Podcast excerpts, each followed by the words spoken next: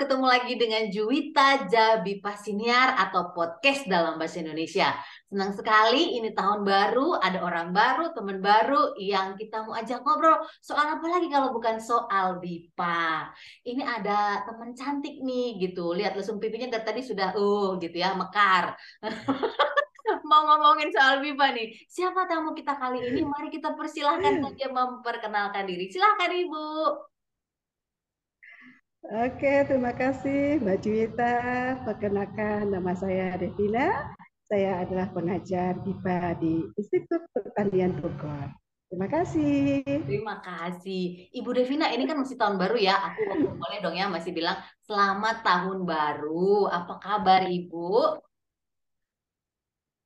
Ya, alhamdulillah sehat. Tahun Oke. baru juga semangat baru ya, Mbak Cuy Semangat ya. baru, iya. Ha. Boleh tahu nih Bu, hmm. ada nggak sih lagu baru yang Ibu udah dengar selama tahun baru ini? Lagu baru yang didengar tahun baru ini ada nggak sih? Seperti lagu baru belum ada didengar ya.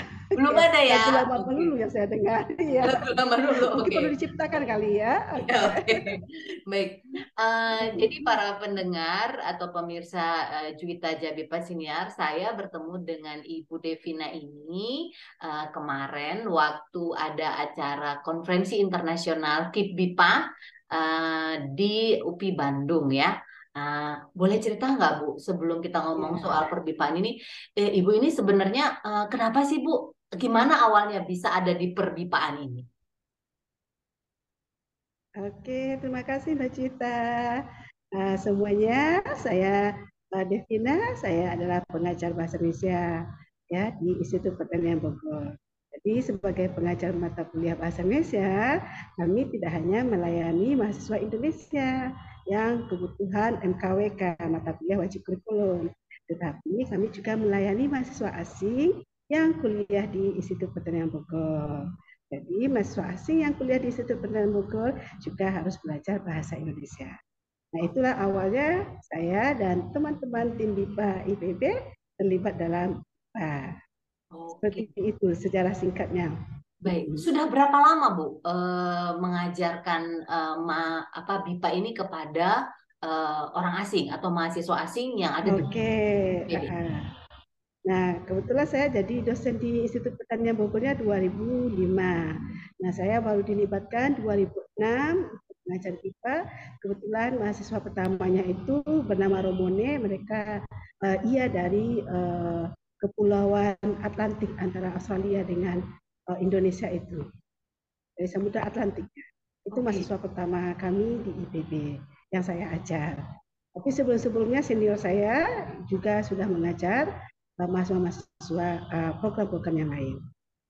Oke, jadi dari 2006 ya Bu ya sudah mulai mengajar. Ya, 2006. Wah, suhunya hmm. ini ya. Tapi kita mundur dikit boleh nggak ya Bu ya? Nggak sampai nabrak kok Bu. Ya, mundur boleh. dikit ya. Mundur hmm. dikit.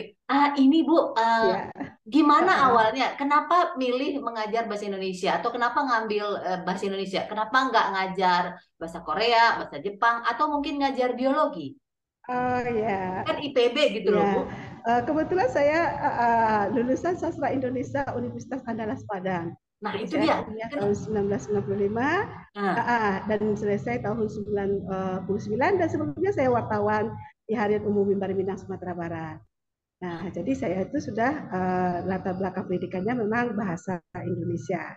Jadi dan saya pun ikut jadi dosen PB itu dengan jalur uh, penerimaan dosen untuk khusus bahasa Indonesia. Makanya mengajar bahasa Indonesia. Seperti itu Mbak Juwita. Tapi sebelumnya Bu, dari kecil memang senang gitu. Uh, saya saya terus terang dari kecil itu nggak ada pernah nemu temen gitu ya satu sekolahan dari mulai SD sampai SMA cita-citanya mau ngajar bahasa Indonesia. Hampir nggak ada bu saya temukan. Makanya perdipaan ini juga kan saya baru ya oh, bu ya. okay. dibanding ibu gitu. Nah kalau ibu sendiri kenapa milih bahasa Indonesia? Gitu? kuliah bahasa Indonesia gitu. Padahal kan ya, orang Indonesia. ya sebenarnya uh, bahasa Indonesia uh, ya kebetulan bahasa Indonesia itu pilihan ketiga saya sebenarnya cita-cita saya jadi dokter ya oh. tapi tidak jadi dokter nggak apa-apa sudah jadi dokter ya oke okay. oh, okay. nah jadi saya itu uh, memilih sastra Indonesia itu pilihan ketiga dan itu pilihan bapak saya loh Pak, Pak Juwita oh, bapak saya itu punya wawasan yang luas katanya waktu bapak itu bahasa Indonesia sudah dibuka di Australia. Jadi katanya bahasa Indonesia itu sudah mulai menyebar. Nah, jadi pengetahuan bapak saya itulah yang membuat saya diarahkan mengambil bahasa Indonesia. Dan ternyata memang pada tahun 4 kuliah saya pun sudah menjadi wartawan. Jadi sudah biasa menulis bahasa dalam bahasa Indonesia yang baik yang benar. Seperti itu Mbak Cid. Oke, jadi tadi pilihan pertama dokter, pilihan kedua apa? Ya, uh, teknik sipil. Teknik sipil, oh jauh-jauh ya? Iya, jauh-jauh. Karena saya di SMA itu dulu jurusannya fisika ya oh, tahun 90-an okay. itu jurusan itu kan fisika, biologi, IPS. Yang benar bapaknya, yang, yang benar bapaknya juga ya gitu, bahasa Indonesia. Iya, bapaknya juga. Oke. Oke, okay, keren, keren. Oke. Okay. Oh, akhirnya dan ternyata suka ya, Bu, jadi wartawan suka ya? Ya, ya, suka wartawan. Tapi yang menariknya sekali uh, Mbak Juwita, uh, bahasa bahasa dan sastra uh, Indonesia di Universitas Andalas itu kami perkuliahannya itu memang di, oleh dosen itu menulis. Jadi kami tidak banyak buat laporan bacaan. Jadi kalau dosen saya menonton saat ini dari Universitas Andalas ya sangat banyak ya uh, Pak Yusuf, Pak Fadila, uh, Bu ya sudah meninggal juga uh, dosen-dosen saya dan Bu Leni Safiaya, Bu Aslinda. Nah kami waktu kuliah itu memang sudah diminta menulis menulis, menulis. Jadi kuliahnya itu selalu membuat laporan bacaan. Jadi sudah terbiasa menulis. Oke, baik. Kemudian kan uh, masuklah di. Dan boleh tambahkan juga, boleh tambahkan juga Mbak Juita sedikit. Ya. Nah, kebetulan waktu kuliah itu juga kami di Universitas Andalas itu juga uh, dosen-dosen kami ada mengundang mahasiswa Belanda untuk kuliah di Andalas. Jadi oh. uh, oleh Bapak uh, almarhum Bapaknya Desi Anwar, ya Prof. Uh, Khairul Anwar ya, uh, bapaknya Bu Desi Anwar dan bapaknya uh, apa lupa saya kakaknya Desi Anwar. Nah itu kita mengundang mahasiswa-mahasiswa asing ke Andalas dan saya juga sudah biasa dengan teman-teman yang orang Belanda. Jadi saya ajak juga mandi-mandi ke sungai orang Belanda itu gitu. Jadi kami sudah terbiasa dengan uh, orang asing di sana. Oke, Ibu berarti dari mahasiswa dari zaman mahasiswa juga ya dari masa ABG juga ya sudah terbiasa mau yeah. menularkan bahasa Indonesia mengajar bahasa Indonesia sama orang asing gitu ya. Sudah punya pengalaman jadi benar-benar yeah. ya. Nah makanya ketika mengajar BIPA juga sudah uh, ya terbiasa. Tapi sebenarnya ada nggak sih yang kalau trik khusus atau kiat-kiatnya? Karena kan kita sesama pengajar BIPA atau penggiat BIPA kalau ngajarin hmm. orang Indonesia yeah. begini, kalau orang ngajarin orang asing begini. Karena saya juga punya pengalaman mengajarkan bahasa Indonesia kepada orang Indonesia gitu loh. Karena orang Indonesianya itu tinggal yeah. di luar negeri gitu. Ibunya bukan orang Indonesia, iya. bapaknya yeah. orang Indonesia. Tapi biasa anak itu kan sama ibu yeah. gitu. Nah itu saya gimana gitu. Saya pikir ya sama aja kamu orang asing, didikan orang asing nih gitu kan. Kalau ibu gimana? Ada nggak sih kiat-kiatnya? Maksudnya di PB sendiri ada nggak khusus uh, kalau untuk orang asing begini nih gitu? Di bahasa Indonesia-nya gitu kan ya uh, sebenarnya uh, uh, sebenarnya uh, uh, ya uh, bedanya gini saja uh, Bu Cita kalau untuk mengajar orang Indonesia yang di ITB mereka kan tujuannya kan menulis akademik. Jadi penggunaan hmm. bahasa kalimatnya efektif ejaannya benar Nah, berarti kan mereka sebenarnya sudah bisa bahasa Indonesia, sudah bisa menulis, hanya saja karena dipengaruhi oleh bahasa lisan, sehingga itu tertulis juga dalam bahasa tulisan. Itu yang kita ingatkan. Nah, jadi pendekatannya berbeda. Hanya mengingatkan kembali bahwa kamu harus mencintai bahasa Indonesia, maka gunakan bahasa Indonesia yang benar. Jangan dihancurkan dengan bahasa alay. Nah, itu selalu diingatkan dengan sumpah pemuda itu. Hmm. Nah, sementara kalau mahasiswa saya orang asing, itu saya perkenalkan, loh oh Indonesia ini kaya loh. Nah, jadi dikatakan Indonesia ini kaya dan orang Indonesia ini ramah-ramah gitu. Jadi saya pun dengan mahasiswa asing itu kita mengambil hatinya dulu. Jadi harus chemistry dulu dengan mereka. Jadi mengambil hatinya, mereka senang gitu ya. Dan memang harus banyak senyum Mbak Juwita. Jadi harus banyak senyum, banyak tertawa ibu ya, fisika tahu nah, kalau mereka sudah banyak, iya, Ya, jadi banyak senyum, banyak tertawa. Nah, kemudian pembelajarannya tidak hanya di kelas karena kelas membosankan. Dan kita juga uh, di IPB itu ya kalau kita mengajak mereka jalan-jalan, jadi belajar di luar kelas itu ke taman, naik sepeda, kemudian naikkan angkot gitu ya, ke pasar tradisional, kemudian ada kunjung-kunjungan ke tempat-tempat lain. Nah, kebun raya itu, uh, di luar kelas. Dan juga kita ada memasak uh, kebun raya gitu, naik kereta api, berkunjung ke UI gitu kan. Nah, kita juga uh, memperkenalkan kuliner Indonesia kuliner itu. Jadi setiap hari kami kadang membawa kuliner ke kelas, bahkan kami masak bersama juga. Masak bersama. Dan kadang-kadang mereka juga memperkenalkan kuliner mereka. Jadi mereka bawa masakan mereka, terus kita makan bersama. Jadi seperti itu. Nah, artinya apa? Artinya kita mengambil hatinya mereka dulu, memperkenalkan, memahami budaya mereka, mereka kenal budaya kita. Nah, nanti untuk uh, perlahan-lahan mereka sudah senang, maka barulah masuk belajar uh, bahasa secara perlahan Seperti itu Mbak Cuita, strategi yang kami lakukan. Oke.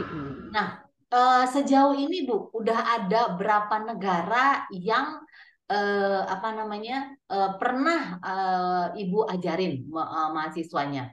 Sudah ada berapa negara tuh yang ya, uh, ada? Oke. Okay.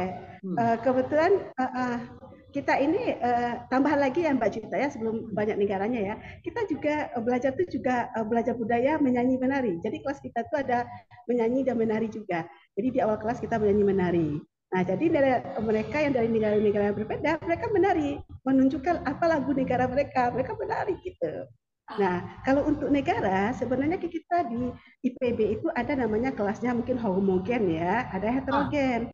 Nah, yang homogen itu misalnya uh, kelas internasional, itu kan rata-rata mahas mahasiswanya Malaysia semua itu. Ya, oh. FKH gitu ya. Nah, oh. itu homogen, berarti Malaysia. Nah, kemudian kita juga ada namanya kelas kita itu yang kelas uh, dari program ACICIS. ACICIS Australia. Uh -huh. Nah, ACICIS Australia itu mereka dari Australia, tapi ternyata juga mereka ada yang dari Tiongkok. Dan dari Tiongkok belajar ke Australia, kemudian ada program Pak Cicis ke Indonesia.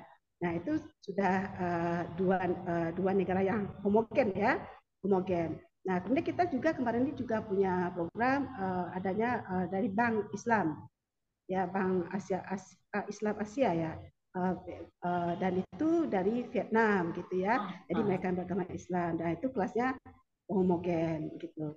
Nah, kemudian ada juga kita yang uh, program dari pemerintah yaitu yang uh, KNP ini, KNP. KNP ya. Nah, itu yang yang yang heterogen. Jadi itu sangat banyak negaranya, negaranya sangat banyak. Karena kita negara berkembang ya, negara hmm. kerjasama negara berkembang sangat banyak. Dari Asia Asia Tenggara saja itu Thailand. Thailand tuh selalu masuk ya Thailand. Hmm. Kemudian kita juga uh, Asia Tenggara Thailand. Kemudian uh, kadang ada Filipina ya. Terus kita juga ada dari Afrika sangat banyak ya, Mesir, ya hmm. uh, dari uh, Mesir, kemudian Sudan. Nah itu paling banyak itu Mesir, Sudan. Hmm. Kita dari Ghana, kemudian dari yang paling banyak itu juga Tanzania. Tanzania, kemudian dari Ghana, Tanzania, Kamerun, kemudian Ethiopia, uh, Liberia, Nigeria, Afrika Selatan, Afrika Selatan juga ada, kemudian ada Zimbabwe, gitu sangat banyak Uganda, Rwanda gitu. Nah, itu Afrika itu sangat banyak. Nah, kemudian untuk Asia itu ada uh, Pakistan, Afghanistan, ada Suriah, kemudian uh, apa lagi ya? Uh, terus ada di ada di Amerika itu dari uh, apa ya? Yang filmnya di Tilapia itu saya juga lupa nama-nama negaranya itu. Hmm. Uh, Kolombia, eh bukan Kolombia, satu lagi ya Kolombia ya. Nah, itu kita negaranya uh, sangat banyak. Nah, jadi saya juga tidak hafal betul ya. Uh, yang jelas kita sudah mengajar dengan berbagai budaya yang berbeda gitu. Ya, Irak juga ada waktu itu Irak gitu ya. Nah, saja. Nah, kemudian kita juga ada mahasiswa dari Amerika gitu ya, dari Korea. Nah, mereka ambil S3 ke IPB gitu kan, atau ambil S2 ke IPB, mereka belajar dengan kita. Ada dari Jepang, Nah, kemudian kita juga ada nama programnya program uh, student exchange gitu ya. Mm-hmm. Student exchange itu mereka belajar bahasa Indonesia sebagai mata kuliah. Nah, sebagai mata kuliah itu SKS-nya dua. Nah, itu banyak, itu dari Jepang paling banyak itu. Jepang, Thailand, itu Filipina. Nah, itu uh, untuk uh, yang mata kuliah seperti Nah, jadi kalau untuk negaranya sudah banyak tuh Pak Juwita. Iya, ini menarik sekali ya Bu. Uh, kalau kita kemarin dengar uh, apa namanya uh, presentasi dari Badan Bahasa, pimpinan Badan Bahasa untuk negara-negara yang uh, sudah uh, mempelajari BIPA itu ada sekitar 51 negara. Dan tadi ada negara yang Ibu sebutkan hmm. itu belum ada di uh, Badan Bahasa gitu. Ini menarik sekali sebenarnya ya, gitu ya. Nah, jadi ada jadi kan kita bisa berkolaborasi nanti sebenarnya uh, sama badan bahasa ya, kalau diajak gitu ya. diajak lah ya. jadi jadi ya. kan ternyata ya, tambahnya uh, juga Bu Juwita uh, tam, uh, boleh tambahan lagi Bu Cita? Boleh boleh boleh. Karena kan dia tidak, tidak ingat. Ya, kita juga ada peneliti-peneliti, misalnya dari Jerman, mereka melakukan penelitian ke Indonesia, ke IPB. Nah, mereka itu kita juga mengajar mereka. Kemudian ada, ada juga yang dari apa namanya Uzbekistan, gitu kan? Uh-huh. kita juga ajar mereka bahasa Indonesia. Jadi kita juga ada kerjasama di penelitian, gitu. Kita ajar mereka bahasa Indonesia. Nah, sebenarnya sudah sangat banyak. Jadi senior-senior saya juga sudah banyak mengejarnya. Uh, jadi ya? saya mungkin itu yang saya ingat negara-negara yang pernah saya ajar. Iya, karena kan orang pasti kalau eh, apa namanya ini menarik sekali, ini keren banget ini Bu gitu. Karena kan orang pasti mikirnya kalau IPB ya pertanian gitu kan, teknologi pertanian iya, gitu. Nah, kakak saya juga kemarin lulus doktor dari situ ya pertanian gitu. Nggak nggak ada bahasa apa bahasa apa gitu, bahasa pertanian gitu kan. Enggak, yeah. bahasa Indonesia bagi penutur asing gitu. Ada ternyata di IPB gitu. Jadi para peneliti atau para mahasiswa yang mau belajar teknologi pertanian di IPB juga uh, belajar bahasa Indonesia. Ini kan keren banget ya sebenarnya gitu. Dan tadi juga disebutkan ada beberapa negara yang itu belum ada saya lihat di list yang kemarin disebutkan oleh Badan Bahasa. Nah, tapi ini penasaran Bu, sistemnya gimana sih? Tadi kan Ibu bilang ada kelas heterogen, ada kelas homogen, terus ada kelas ini nggak sih yang uh, siapa aja yang mau orang asing gitu kan? ada juga kan orang asing atau peneliti yang ke IPB dia nggak mau belajar bahasa jadi dia belajar bahasa itu karena memang pilihannya dia sendiri karena dia pengen tahu aja artinya dia belajar gratis gitu bu apa gimana hmm. Ya uh, kalau yang uh, namanya kita ada namanya pelayanan ya uh-uh. kalau pelayanan itu kan sudah diatur oleh lembaga ya uh-uh. antar negara gitu seperti KNB itu sudah diatur kerjasama uh, uh, oleh negara kita ya lalu sudah didikti Nah, terus ada juga kita yang kerjasama uh, perguruan tinggi dengan lembaga seperti Bank Islam Asia, IPB dengan mereka. Kemudian juga ada kerjasama antara eh, ICO-nya IPB dengan lembaga lain untuk riset, gitu kan. Nah, terus ada juga yang lembaga uh, uh, ICO kerjasama dengan ACICIS gitu. Terus ada juga kerjasama antara uh, lembaga akademik dengan uh, dan ASEAN badan ASEAN itu ya yang ada apa namanya AIMS ya. AIMS itu kan untuk pertukaran mahasiswa ASEAN, Asia ya. Nah yang AIMS itu sudah diatur oleh lembaga. Nah tapi kita kemarin ini juga melayani yang namanya mereka datang sendiri, yang hmm. privat gitu. Misalnya kita waktu itu ada uh, pertukaran pelajar gitu ya dari Amerika. Nah mereka mengambil uh, IPB untuk belajar bahasa Indonesia.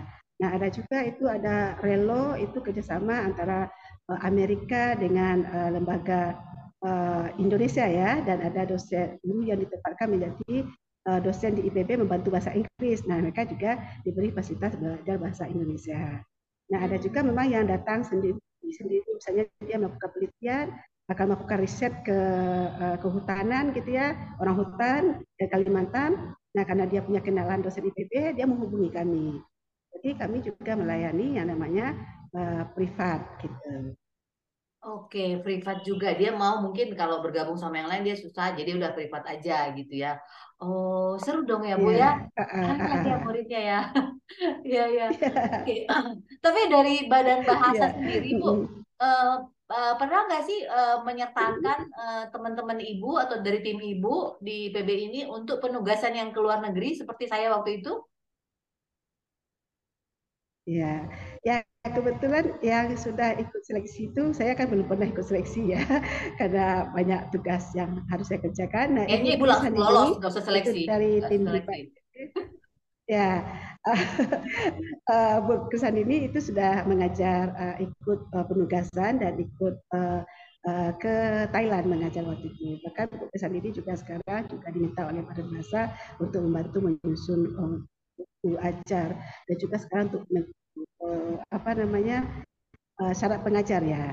Nah seperti itu. Kalau saya sendiri saya uh, lebih banyak mengembangkan uh, BIPA IPB. Kami juga sudah punya modul-modul.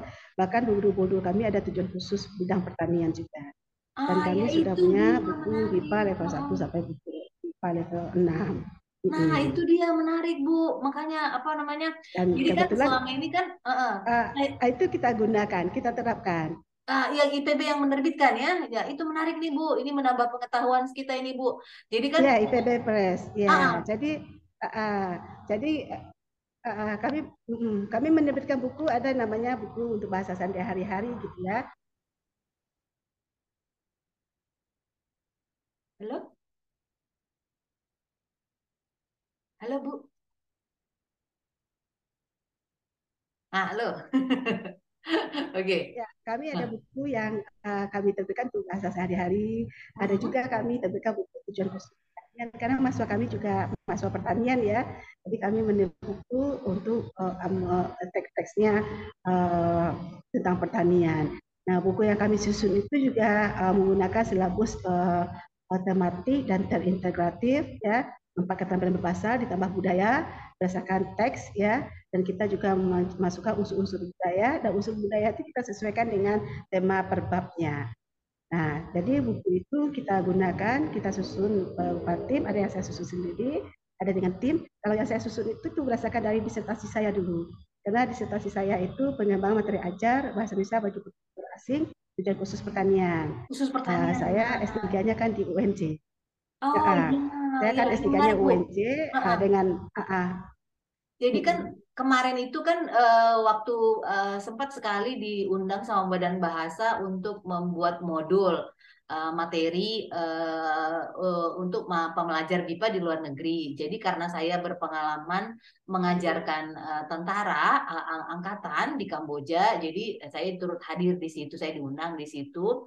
Nah materinya seperti apa gitu. Jadi kan sebenarnya selama ini kan kita cuma menggunakan uh, sahabatku Indonesia buku yang dikeluarkan oleh Badan Bahasa. Nah ini menarik nih yang dari pertanian. Kalau nggak salah yang dari pertanian itu itu nggak ada deh gitu. Eh ada ada ada ada ada ada. Tapi tidak begitu dibahas mendalam sepertinya gitu. Jadi berarti ini besok besok bu kita pengajar uh, BIPA ini kalau misalnya perlu modul yang ada uh, apa unsur pertaniannya apalagi ibu disertasinya juga mengenai itu uh, kita bisa menghubungi ibu dong ya Oh ya bisa kita berbagi ilmu saja untuk mengembangkan bahasa Indonesia menjadi bahasa dunia, bahasa internasional. Baik, aku nih kalau udah ketemu ya. sama orang BIPA gitu ya, apalagi be, latar belakangnya itu beda, maksudnya ini beda nih gitu. Yeah. Pertanian apa gitu kan? Kan unik ya gitu. Ngomongin apa sih? Ngomongin bahasa Indonesia kok IPB gitu kan? Kakak saya dia kemarin nanya kan, e, aku mau menghubungin ini gitu kan ah apa IPB kok ada bahasa, kok ada BIPA gitu kan. Bingung, yeah, kayaknya orang yeah. nggak tahu gitu. Nah sekarang jadi tahu yeah. kan gitu. Oke, berarti uh, mahasiswa yang KMB itu juga banyak yang ditempatkan di IPB ya, gitu ya? Iya, iya. Uh. Baiklah, dari 2006 ternyata para pemirsa 2006 hmm. 24 tahun ya di IPB ternyata ada BIPA. Oke. Iya. Oke. Harapannya apa nih Bu? Tapi sebelum uh, sebelum sebelumnya juga sudah ada itu tahun uh, BIPA BIPA BIPA BIPA IPB itu sudah lama juga Bu. Cuma Kayaknya yang baru 2006. BIPA ya. Eh, sudah BIPA juga. Oh, Karena kan BIPA itu tahun 90-an sudah dipromosikan lewat uh, Kongres Bahasa kelima kan oh. uh, tahun 83. Dan itu uh, senior saya seperti Pak Muklas itu sudah ikut juga acara-acara di UI. Ada ah. pelatihan BIPA di UI, teman BIPA di UI. Oh. sudah lama ada Bu Lasmi Ariati yang juga lulusan UI, itu juga awalnya juga malah me membeli buku yang ditulis oleh UI. Karena buku pertama itu kan Lentera ya. Lentera 1, 2, 3 itu kan agak berat sehingga uh, senior saya Bu Lasmi Ariati pun meminjam apa membelilah menghubungi Tindita UI dan membeli buku yang mereka tulis. Baik. Itu awal-awalnya. Baik, hmm. keren. Oke, Ibu, sebenarnya saya masih banyak lagi pertanyaannya, tapi kita terbatas dengan waktu. Uh, terima kasih banyak nih, Bu. Uh, tapi ada yang mau ya. disampaikan nggak, Bu? Atau apa harapan Ibu untuk BIPA 2023 ini, Bu? Segitu banyaknya ternyata gitu ya negara-negara ya. itu, harapannya seperti apa? Kalau saya tadi kan kepikiran harus ada kerjasama nih negara yang tadi ibu sebutkan itu belum ada di list yang disebutkan sama yeah. Iya. uh, Pak Amin waktu uh, uh, presentasi di konferensi kemarin Pak Aminuddin cuma ngasih tahu ada beberapa negara nih gitu kan iya. Pakistan, yeah. India gitu kan yang ibu sebutkan tadi ada yang belum tuh mm -hmm. apa Tanzania ya tadi bu ya Tanzania paling banyak di IPB. Tanzania, Tuh, nah kita di sini gitu. belum ada bu. Uganda, di... Rwanda, nah, karena Liberia, Nigeria. Nah, Liberia gitu. gitu. Sangat nah. banyak. Nah, ini belum ada Liberia, bu di Saya juga. Hmm, hmm, Boleh tuh bu. Banyak. Apa, bu, Ghana gitu, Kamerun. Nah, di sini di sini banyak. belum ada bu. Gitu. Nah, apa harapannya bu? Ini kita harus follow up ini bu, harus diituin lagi bu gitu, karena ya Eh, saya saya sebenarnya harapannya seperti ini uh, sebagai pengajar saya merasa bahwa saya itu belum punya uh, apa namanya punya uh, penilaian terhadap diri saya kira-kira saya sudah menjadi pengajar yang baik apa belum? Nah sehingga saya belum menemukan apa alat ukur untuk menunjukkan bahwa saya sudah berhasil uh, ya meluluskan uh, mahasiswa saya level 1 level 2 atau tingkat satu, tingkat dua ya, atau MIPA satu, MIPA dua, MIPA tiga. Kenapa? Karena kan tes yang ada itu hanya UKBI. Dan ini pernah saya bicarakan juga waktu pertemuan UKBI, uh, eh, UKBI apa namanya lupa saya istilahnya yang saya ikut seminar sebagai pembicara saya minta ada tidak standar untuk kami sebagai pengajar BIPA sehingga kalau dia sudah mengikuti BIPA satu ini tesnya ada tes standarnya kalau seandainya UKBI adaptif itu kita tidak bisa gunakan Nah, itu yang saya minta waktu itu. Tapi uh, pemerintah kita tetap mengatakan UKBI. Tetapi saya berharap uh, tim BIPA, mungkin APB BIPA bisa membuat standar kelulusan juga, sehingga para pengajar mengetahui, loh kalau saya sudah mengajar level 1, cakupannya kan indikator keberhasilan kan seperti ada ya, untuk bahasa sehari-hari gitu. Nah, tapi kan soalnya kan kita buat sendiri-sendiri rata-rata pengajar BIPA. Nah, ini kita betul. perlu menyamakan. Nah, itu satu. Kemudian untuk tes uh, menyimak. Nah, menyimak itu saya melihat kita belum ada standar kapan yang namanya menyimak itu uh, pelan, sangat pelan, belum ada. Kenapa? Karena buku BIPA uh, uh, apa namanya sahabat Indonesia itu pernah saya gunakan, pernah saya teliti juga, itu sangat cepat menurut mahasiswa saya. Nah, untuk itu kita kita perlu duduk bersama. Nah, kemudian kita harapan saya juga kita para pengajar penggiat BIPA mungkin mengecek lagi penelitian-penelitian BIPA itu sudah bergeser ke mana, mana yang harus kita perbaiki. Mungkin nanti yang bagian uh, eh, APP BIPA, yang bagian apa pengembangan gitu ya, kita lihat riset-riset di BIPA. Kemarin itu kan saya uh, di BIPA uh, kan mengambilnya apa riset penelitian kita arahnya ke mana paling banyak, gitu kan. Nah, saya berharap itu kita bisa petakan dan apa yang harus kita tingkatkan, di mana kelemahan kita dalam mengajar. Nah, ini kenapa? Karena uh, tujuan kita kan menduniakan bahasa Indonesia. Oh. Kalau kita tidak tahu kelemahan kita, bagaimana kita tahu uh, apa yang belum kita kerjakan. Jadi saya kita saya harapkan semoga kita bisa duduk bersama lagi dan setiap pengajar itu pasti punya pengalaman yang berbeda. Setiap tahun pun berbeda, setiap uh, tempat pun berbeda, setiap mahasiswa dihadapi pun berbeda. Nah, mungkin ini bisa difasilitasi gitu. Nah, itu sih harapan saya dan semoga kita tim BIPA terus berkarya ya dan saya juga terus berkarya menulis-nulis buku BIPA ya meneliti-meneliti tentang BIPA setiap saya mengajar saya buat tulisan. Nah, saya juga berharap tim BIPA semuanya ketika dia punya mengajar dia buat hasil uh, penelitian dari pengajarnya itu sehingga kita bisa mempelajari dan dapat ilmu. Nah, itu harapan saya Mbak Cuita ya semoga BIPA selalu jaya. Oke, okay. Ibu terima kasih ya. banyak. Ya. Ini saya bikin saya semangat lagi ini gitu ya.